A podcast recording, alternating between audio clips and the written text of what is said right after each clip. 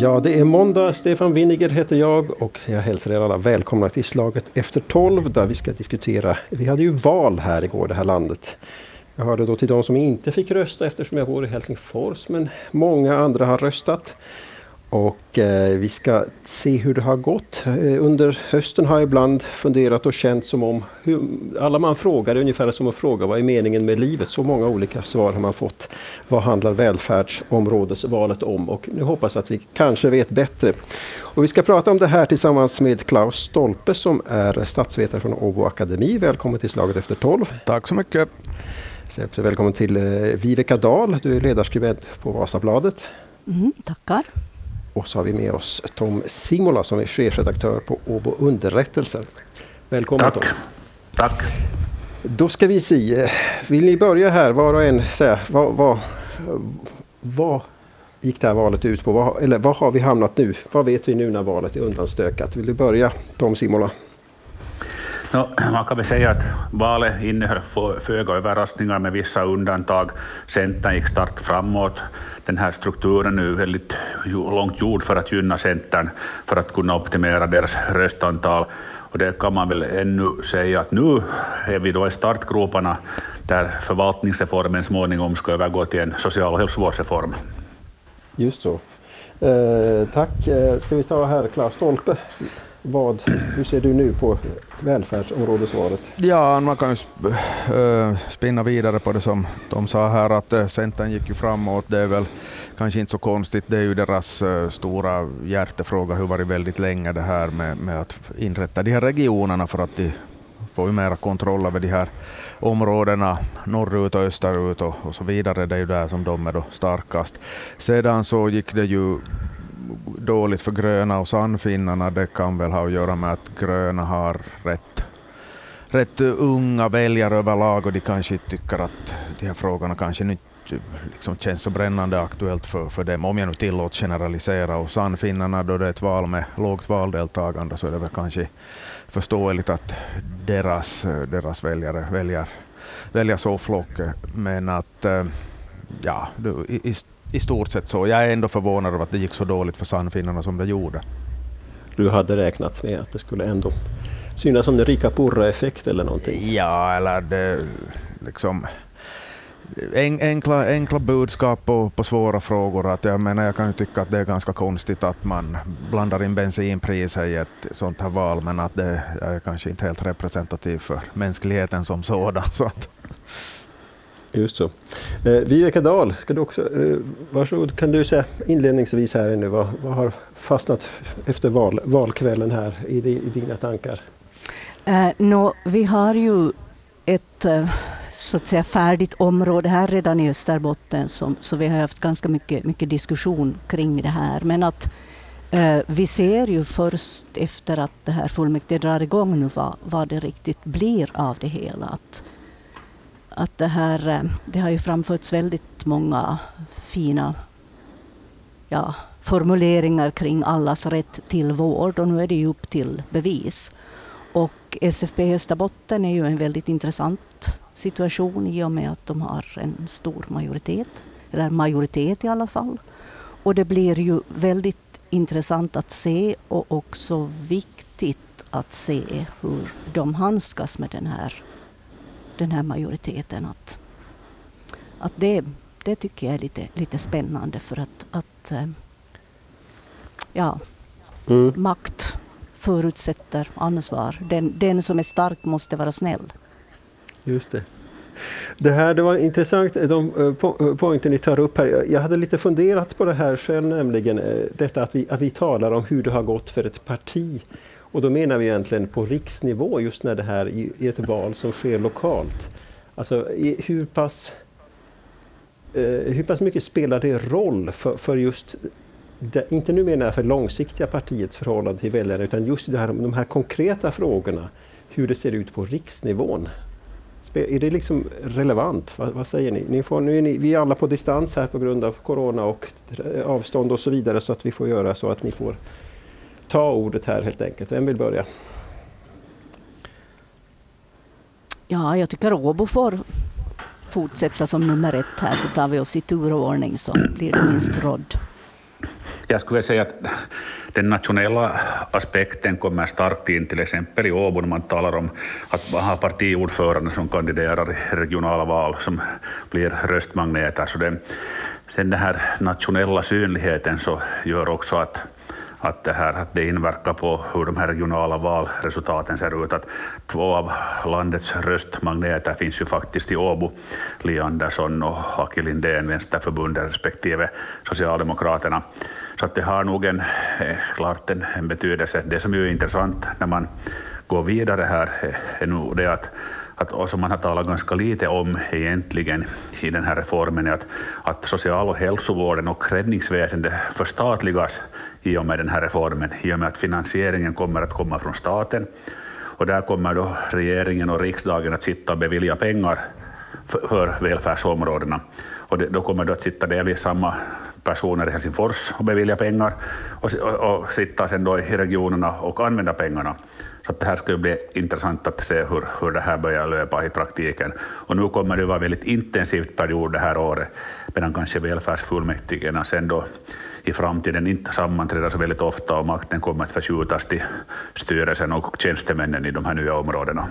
Mm. Är det en fördel eller en nackdel att det är, sam, eh, att det är enligt dig då Tom Simola, att, att det är samma personer delvis som i regeringsställning beviljar pengar och sen fördelar dem lokalt? Ja, det, det, är lite hur man vill se det. Politiker är vana vid att agera i flera olika roller i olika sammanhang, så jag tror inte att det blir oöverkomligt. Men nu, nu, är, det, nu är det aningen problematiskt, för att i politiken finns det ju ändå inbyggd en mekanism också där det gäller att se till att ens väljare i hembygden är nöjda med, med besluten som fattas, så att vissa intressekonflikter kan det nog uppstå här under resans gång. Mm. Kan vi ta den här eh, partiernas nationella ställning, spelar det en roll för hur, hur har nu valresultatet blivit på lokala planet?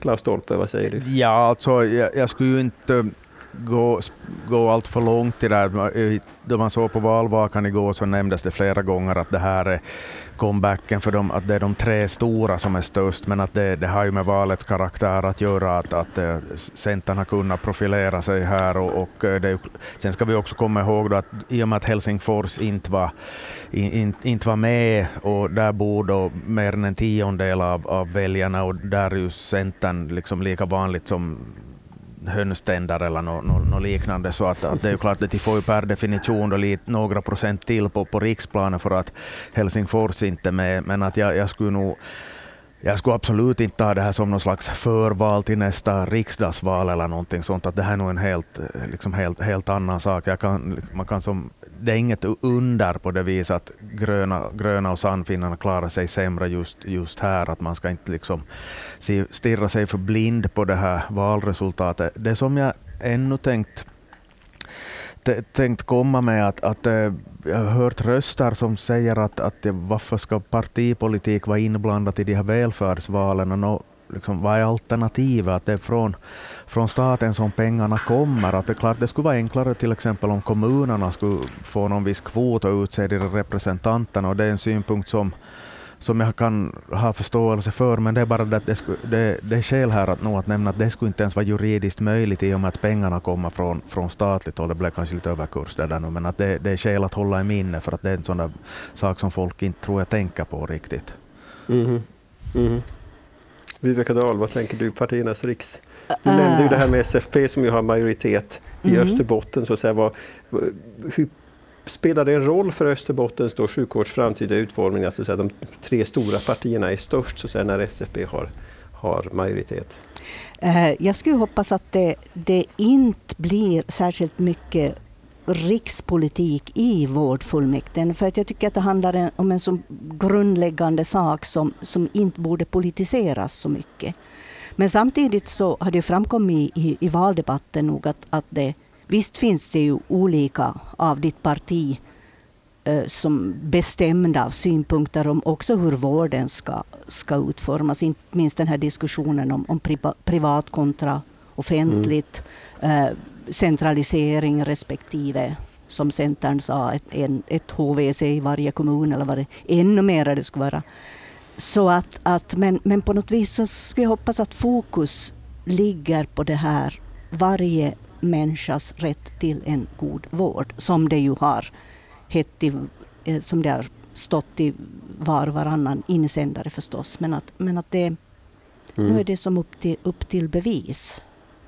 Just det. Och, alltså, ja, förlåt. Varsågod. Nej, fortsätt. Vad tänkte du fråga? Jag, tänk, jag tänkte, eh, det är en reflektion bara så här att det är ju en av de saker som vi har sagt, så här kan det bli och nu är det upp till bevis. Det var ju ett, just det här upplägget då, att vem det här kunde gynna, att det här är Centerns projekt. Det var ju flera av er som tog upp det här förut, att, att eh, jaha, nu har vi en ny landskapsreform och plötsligen är Centern ett jättestort parti i den här sam, sambanden. Så att säga. Visst har, har Helsingfors icke-deltagande naturligtvis, eller frånvaro lett till att, att de gröna fått mindre röster totalt sett. Men, men nu kan vi väl säga nu så jaha, Centern fick sin reform och det gynnar Centern. Och är det något som de andra partierna har gått på eller har de varit medvetna om att det här är en reform som nu konkret gynnar Centern? Jag tror inte att, att det på något vis har varit överraskande. Jag menar, det har ju pratats så länge, i, i decennier, om, om, om detta och nu har vi då ett system som ju gynnar Centern. Men Centern blev ju ändå inte största parti, det blev Samlingspartiet. Men mm. Centern har makten i, i nio områden medan då Samlingspartiet har makten i sex och SDP i fyra om jag är rätt informerad. Ja, någonting sånt var det nog. Mm. Mm. Och SFP i två. Men är det i sig förvånande, att det, för det är ju så säga, det, det är ju landsbygdsdominerade områden där Centern alltid är stark, eller är det här kanske inte så förvånande? Nej, att Centern är stark där?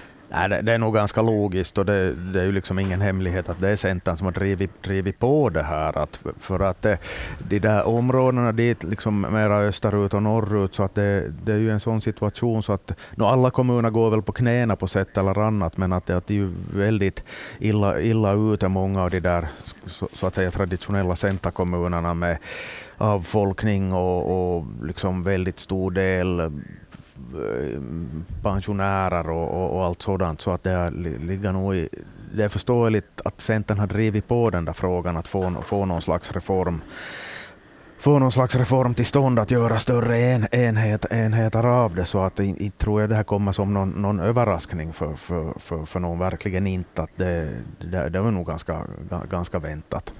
Mm. Eller väldigt, väldigt väntat ska jag väl säga. Så att det är en, en, en, reform där man med statliga pengar på lång sikt binder upp sig för, ett, för ett, så säga, en, stark samhällssektor i, i hela landet. Det, det är ju, låter som jätteklassisk centerpolitik i mina öron, eller vad säger du Tom Simola? Ja, det stämmer nog.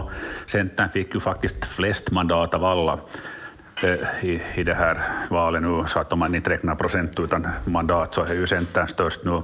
Men det kommer att bli intressant att se nu att hur länge detta antal välfärdsområden kommer att finnas. Att det ser ju lite så ut att redan nu inför starten så kommer vissa välfärdsområden att bli för små och för svaga att på sikt upprätthålla den verksamhet ett välfärdsområde ska upprätthålla.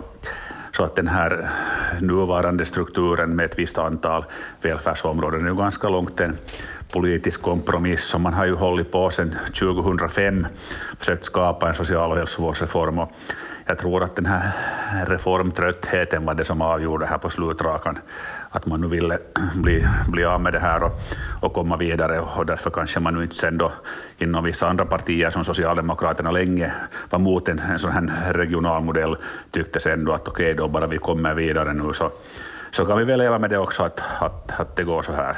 Mm. Det, lig, ligger nog mycket det där med att eller kom, komma in här att, att, eh, att det var nog, måste nog ha varit en viss trötthet kring, kring hela det där att vi, vi, vi, måste, vi måste få igenom någonting och sedan så ser vi hur det funkar och kanske går igenom, går igenom det på nytt för att jag, jag de sa här att det har hållit på sedan 2005 och jag, jag överdrev väl lite då jag hade en föreläsning, jag jobbar ju alltså vid Åbo Akademi här i Vasa och, och hade de här första, första åringarna och sa att, att det här är ju alltså en diskussion som har pågått så länge ni har liksom existerat. Och de, är ju, de, är de är ju födda lite före 2005 men alltså inte, inte mycket. Så att vi, jag menar dagens unga vuxna, så det som har varit en del av deras liv, liv så, så länge de har funnits helt enkelt.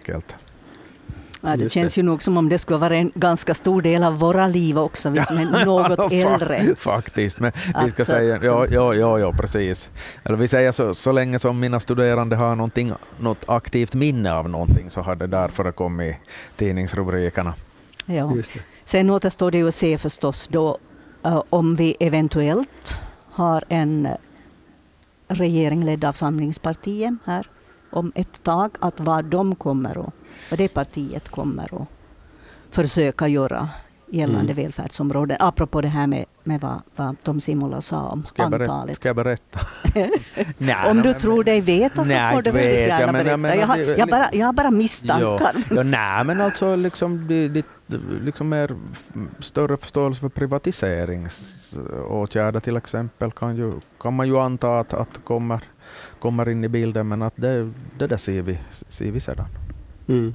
Får jag citera här riksdagsledamoten Veronica Rehn-Kivi från SFP som sitter i social och hälsovårdsutskottet. Hon, hon har sagt flera gånger att nu är det viktigt att riksdagen och regeringen håller fast vid den här modellen, att inte ändra för mycket. Men hur, hur stor skulle ni säga är risken att kommande regeringar gör om, eller som, som Tom Simola nämnde här, att, att man slår ihop Alltså när man nu med buller och bång inför ett, ett, ett system med, med, med, välfärdsområden som man egentligen kanske förstår att inom en ganska snar framtid kommer att behöva fusionera som det heter på politikerspråk. Att, liksom, att, att den, här, den här som nu ska balansera, en reform som ska balansera nu 1011 och dessutom Centerns intressen sen plötsligen måste stöpas om ganska pronto.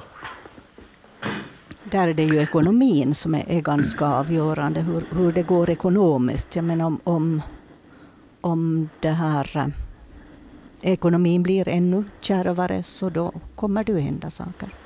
Mm. Det kan ju inte pågå i all evighet det här heller att som man hörde här i samtliga valdebatter, att svaret på då det gällde pengar var att staten betalar.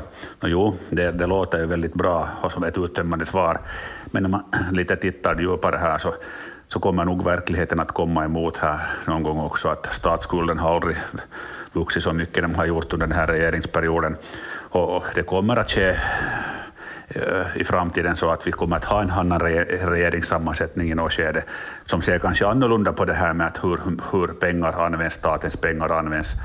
Så jag tror nog att eh, vi kommer att se åtminstone justeringar och i vissa fall också grundläggande förändringar när det gäller sättet att producera den här servicen. Och, och allt tyder på nu att det kommer att bli en ganska dyr affär redan i början det här med, med IT eh, överlappningar som ska bort och sammanfogas, löneutjämningar och allt annat. Att, att nog, nog kommer dessa nyvalda fullmäktigemedlemmar och fullmäktigeförsamlingar att ha en hel del att fundera på hur man ska få det här att gå ihop. Och det, man står inför ett enormt samordningsprojekt här de här kommande månaderna och åren.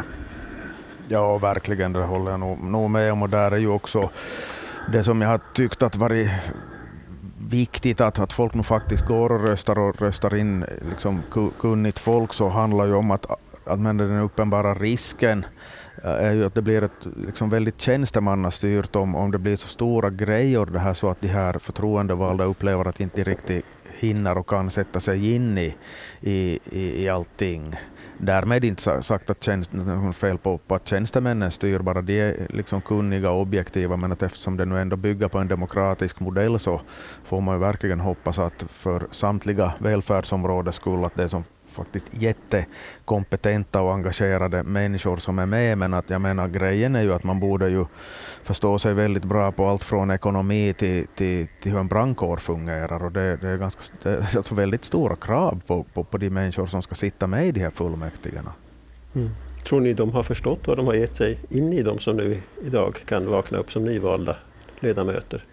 Det ska vi väl verkligen hoppas. Det är ju i Österbotten så är det ju samtliga riksdagsmän som är invalda, så vi ska väl tro att, att de, de vet vad det handlar om. Blev Mäkynen invald? Jag trodde att han inte blev det. Ja, hur, ble, hur blev det ja, då, senast? Då jag kollade så var han... Jag, så var han ja, no, jag vågar inte säga. Ja, jag, jag är lite osäker, då, för han stod och hängde. Då, då jag kollade så var han inte, men att det, det var inte det slutgiltiga. Så mm, jag, jag, är inte riktigt hundra på det, på det heller, no, men det i alla fall, det var ju, det var ju de som var, var röstmagneter. Och, och, det får man väl utgå ifrån att, att de, de vet vad de har gett sig in i som erfarna politiker. Men samtidigt så kommer ju den här frågan då in att hur, hur många nivåer ska samma person sitta på och, och är det vettigt, speciellt om de skulle få framträdande poster inom vårdfullmäktige, så kan man fråga sig att om, om, om tiden, tiden räcker till. Jag borde kanske precisera här, den här Mäkynen är alltså en, en sann finländare som var riktigt på, på, på ja. gränsen där om han skulle komma in med de här övriga riksdagsledamöterna så kom ju in liksom med jättebred marginal. Ja, ja, Men sen kom ju också, vilket jag tycker är, är, är väldigt bra, en hel del människor med erfarenhet av vården, läkare, närvårdare, sjukskötare som kom in. Och i bästa fall så kan det bli en bra mix just av professionell kunskap om vård och politikernas kunskap om, om, om sådant. Det var, uh, hela landet var det 108 riksdagsledamöter som valdes in. 110 av dem, 101 av dem sitter också i fullmäktige. Så att, att det är ganska stark övervikt för men det, det, som är ganska oroväckande med tanke på framtiden tycker jag fortfarande är att det här med att hälsovården och läkare och allt, det är ganska uppenbart och klart för alla, som, samma som tandläkare och vad en brandbil och ambulans är. Men vi har ett en stort område som handlar om så den sociala biten här, socialvården med mm. äldreomsorg, med många olika former av, av, av boendeformer till exempel, så har vi barnskydd, vuxens arbete inom socialskydd och mycket annat. Vi har sådana specialgrupper som behöver sitt vård och, och det här har varit, haft en väldigt undanskymd roll. Och vissa av de här är väldigt lokala, som hemvård och annat sånt. Att mm. Det kommer nog att det här, jag tror man inte riktigt ens alla förstår hur, hur stort maskineri man håller på att starta upp och det här kan nog göra också att, att, det här, att, att man står inför många överraskningar innan allt är samordnat. Mm. Här i Österbotten har vi det problemet också att, att det här tilltänkta datasystemet som blev inte av därför att andra distrikt drog sig ur. Så att det är en stor bit som, som det nya fullmäktige måste börja Just det, ni, ni har inget fungerande patient. Nej. inte som ni har velat ha där i Österbotten. Spännande. Nej, det blev en stor, stor debatt, debatt Just kring det. Ja, det var i höstas det. Men ska, mm. ska vi ännu stanna kvar lite här vid, vid, vid äldreomsorgen och sociala frågorna? Eh, alltså de, som vi alla vet, eh, de äldre blir fler just nu i Finland. De yngre blir inte fler i samma takt. Det vill säga framtida skattebetalare får vi forska efter så småningom. Och eh, kostnaderna för äldreomsorgen tendens stigande kraftigt och så vidare. Den här reformen skulle ju så att säga, ge samordningsfördelar och möjligheter till bättre utnyttjande av resurser. Det, det, kan ju vara lätt att tycka att se det när det gäller så här intensiv eller spetssjukvård och specialmottagningar som man får åka lite längre och istället får en jättebra sjukvård där och täcker ett större område. Men just det här som måste finnas väldigt utspritt eh, Ja, med tanke, det är så som Tom Simola sa, så här, att verklig, den berömda verkligheten kommer emot här. Hur, hur, hur kommer det att påverka äldrevården? Ja, om, om jag kommer in här så att eh, inte bara äldrevården utan den här sociala sektorn som sådan, så att om jag nu tillåter mig att måla med lite stor pensel här, så att det är ju vissa grupper i samhället som är mer benägna att gå och rösta och andra mindre, och det är väl kanske så att de som är i behov av hjälp från den här sociala sidan så är då de som inte går och röstar, om vi nu hårdrar det hela. Och då är frågan att kan det finnas en risk för att det är den biten som många av de här invalda kanske eventuellt känner till sämst. Att det är en, inte en del av deras vardag nödvändigtvis. Det behöver alltså naturligtvis inte vara på det. Vi ska komma ihåg att vad är det nu, 1400 personer som har blivit, blivit invalda i de här olika fullmäktigena. Så att det, det är ju klart att eh, vi har 1400 olika liksom, liv och verkligheter där också. Men att, att det, det som jag sa redan tidigare, att det är ju enormt pussel. Det har jättestora krav på de som har då fått tillräckligt många röster för att veta hur det, vad de ska använda sin fritid på de närmaste fyra åren. Jo, den sociala sidan så omges ju också av sekretess i högre grad än, än, än vården i allmänhet. Att, att det, det kan bidra till att som insikten i vad det, vad det handlar om kanske är svagare. Mm. Och, och, det här, mm, ja och det här, det här, precis som Klaus sa, att, att de som är beroende av socialvård är kanske inte så röstningsbenägna. Däremot är de som är beroende av äldrevård mera benägna nog att gå och rösta. Att det är ju i den unga ändan som det ser dystrast ut vad gäller röstningsbeteende. Men då skulle man kunna tolka det som alltså att just äldrevården har, har, kommer att tänkas och inte glömmas bort. Och den, den snar, I sådana fall då, den kommer ändå finnas med ganska högt på agendan. Ja, det kan man ju nog... Ja, ja alltså det, det är ju en viss logik, logik i det nog att, att eh, vissa grupper i samhället mer resursstarka i termer av att göra sin röst hörd och att beträffande äldre så finns det ju många, många det här väljare och de, även högt upp i åldrarna så är ju folk ganska pigga på att, att gå, gå och rösta. Att, att Både jag och Klaus har tänkt vara väldigt aktiva åldringar så Ja. det, det löser sig nog. ja, vi kommer nog att, att hålla folk på tårna. Just det, ni kommer att vara med länge än. Det, lå, det låter lovande. Eh, Tom, Tom Simola, du, du höjde här ett varningens finger tidigare just för den här ekonomin som inte räcker till. Ska, den här äldrevården, kommer det att räcka eller kommer det bli, kommer det bli bättre? Vågar du det på en sån? Ja, alltså, för att få, få någonting bättre så behövs det resurser. Det behövs personer, som anställda som jobbar, tar hand om alla som behöver den här hjälpen, vården, den här dagliga, dagliga hjälpen som vissa kan behöva få på ett boende eller hemma. Och redan nu så har det ju varit skriande brist på arbetskraft inom branschen, och, och, och både på anstalter och lättboende och på till och med sjukhus. Så den här, den här utmaningen kommer man att stå inför. Och, och, och den kan lösas på många sätt. Det kan, man kan göra det som arbetsplatserna attraktivare.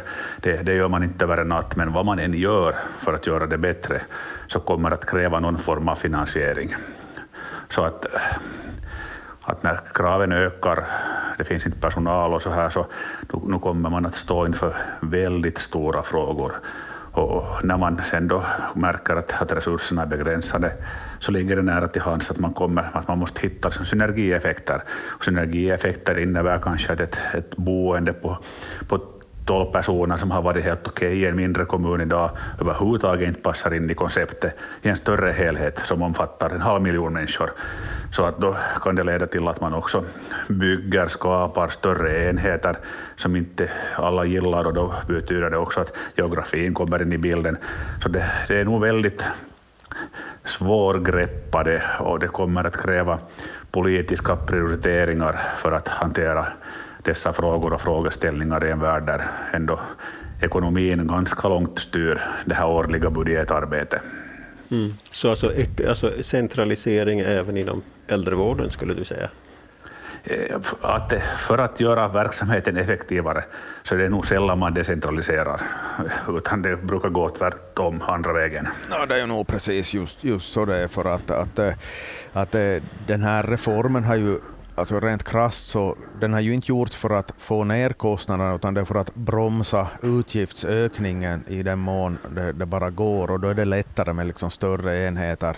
Och just helt enkelt att det blir kanske, eller inte bara kanske, utan det blir ja, färre åldringshem med en större. Men att då blir det längre väg för de, som, de anhöriga som ska hälsa på och så vidare. Och så vidare. Att, och just sådana snack om att, att en hälsocentral i, i, varje kommun, det är, ju, det är ju liksom nonsens. Att inte finns det, det kan ju inte finna, finnas resurser liksom för, för liksom allt som nu ändå skulle vara önskvärt helt enkelt.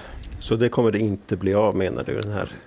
Nej, men om man, alltså jag menar Kaskö i Sydösterbotten, det är, ett, det är ett väldigt trevligt ställe, oerhört pittoreskt och så vidare, men där bor 1200 personer. Jag bor i ett ställe som heter Storviken, det är minsta stadsdelen i Vasa stad. Där bor lika mycket människor som i, i, i, i liksom, uh, vad heter det, hela Kaskö. Men det kan jag heller kräva en, en hälsocentral, hälsocentral dit, inte så att Ja, det får ju gärna komma, men att Mm. finns ett demensen förresten, vid Veka. Mm, mm, just så. Det här, nej, man borde ju kanske hellre än, än om väggar så borde man ju prata om service och försöka säga att jo, att, att vi vi vill garantera service på, mm. i, för dig oberoende av var du bor. Hur den servicen då är, är ordnad, om, om det går delvis med digitala lösningar, om det går med rullande service så att servicen kommer till dig några dagar i månaden eller veckan eller hur det är. Så, så det, det borde egentligen politik. pratas mindre, mindre än, än om, om väggar. Jo, och politik består av tre saker, kvalitet, pengar och geografi. Och väldigt ofta inför valet talar man väldigt mycket geografi, men sen efter valet måste man också tänka på pengar och kvalitet. Mm. Och om, om någon nu så här gemene man blir sjuk, så nu vill man ha den bästa tänkbara vården.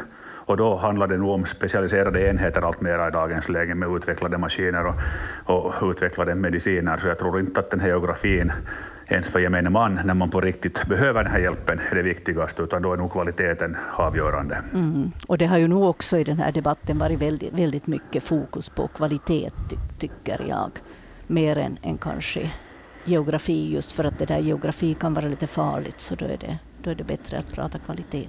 Men är det inte för väljare och för människor i allmänhet, just det här väggar spelar sen ändå roll. Alltså det, det är ju väldigt emotionellt var man bor, var man finns.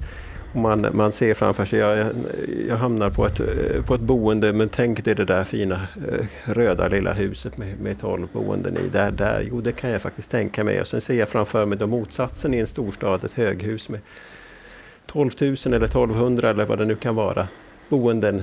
Eh, då, då blir ju det så att säga min, min eller jag kan förstå så många i det emotionella svaret att väggarna är nog faktiskt väldigt viktiga. Och då, när det blir emotionellt viktigt då går det väldigt lätt att göra politik. Mm. Så tror ni verkligen vi kan bli av med väggfrågan? Nej, det blir vi, det blir vi nog mm. inte. Man ser ju nog redan, går man in på, på valresultaten, och nu, nu har ju som de, de flesta röstar ju faktiskt på någon från den egna kommunen, så att det, det redan är ju ett mått på någonting. Sen, sen säger, man, säger ju nog folk att ja, men att, att det krävs helikopterperspektiv och, och helhetssyn och det hela, men att det oaktat då folk står i valbåset så tenderar nog, det nog vara någon, någon med rätt likadan postnummer som, som får ens röst.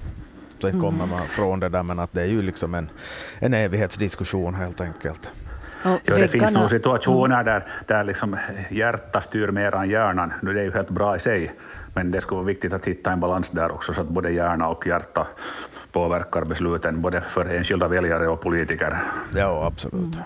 Mm. För vårdservicen är, är väggarna kanske inte så väsentliga, men just som, som det sades här för, för åldringsvården så kan, så kan väggarna vara, vara betydelsefulla. Att när du ska över den där tröskeln att du ska flytta hemifrån så är steget nog lättare om du flyttar till en mindre enhet i grannbyn eller än om du ska 30 kilometer bort. Det, tror, det, det, det, låter väldigt rimligt. Vad tror ni om då det här att eh, eh,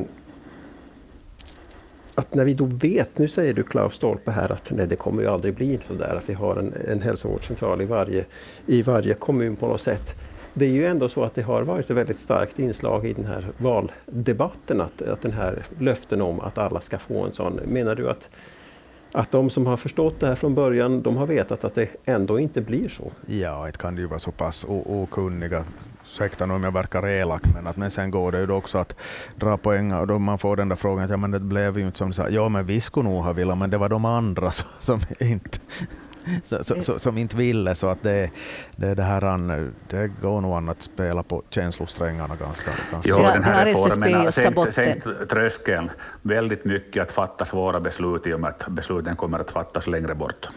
Ja. Mm. Jag tänkte säga att det här eh, SFP Österbotten är ju lite svårt att, att använda det där argumentet att, att vi skulle nog ha velat men ingen annan ville. Mm. Nej, förstår Eller det gäller ju vilket parti, eller vi säger Centern, det är ju de som har gått ut med, med det där, men att hur går det sen i, i jag menar, de har ju faktiskt makten i en ganska stor del av landet rent, rent geografiskt, så att, att de, de får ju svårt på det viset att leverera, för att, att det är ju det, är ju det, liksom det löfte som de nu har associerats främst med, tycker jag. Mm. mm. Det, det, stämmer. Skulle ni säga att Centern själv är medveten om detta? Att hej, vi har just gjort ett bra val och vi har lovat eh, hälsovårdscentraler i alla kommuner, men vi vet att det egentligen inte blir. De kommer att omdefiniera vad, vad det innebar. vad är en hälsocentral? Precis. Det låter lovande i, polit i politikens sköna värld här. Eh, därmed lämnar vi valet för idag här. Tack så mycket för att ni var med och diskuterade här. Tom Simola från Åbo Underrättelser, Klaus Stolpe, Åbo Akademi och, och Viveka Dahl från ledarskribent på Vasabladet. Tack för att ni var med. Jag heter Stefan Winiger. Tack för att ni lyssnade där hemma och vi hörs igen. Hej då!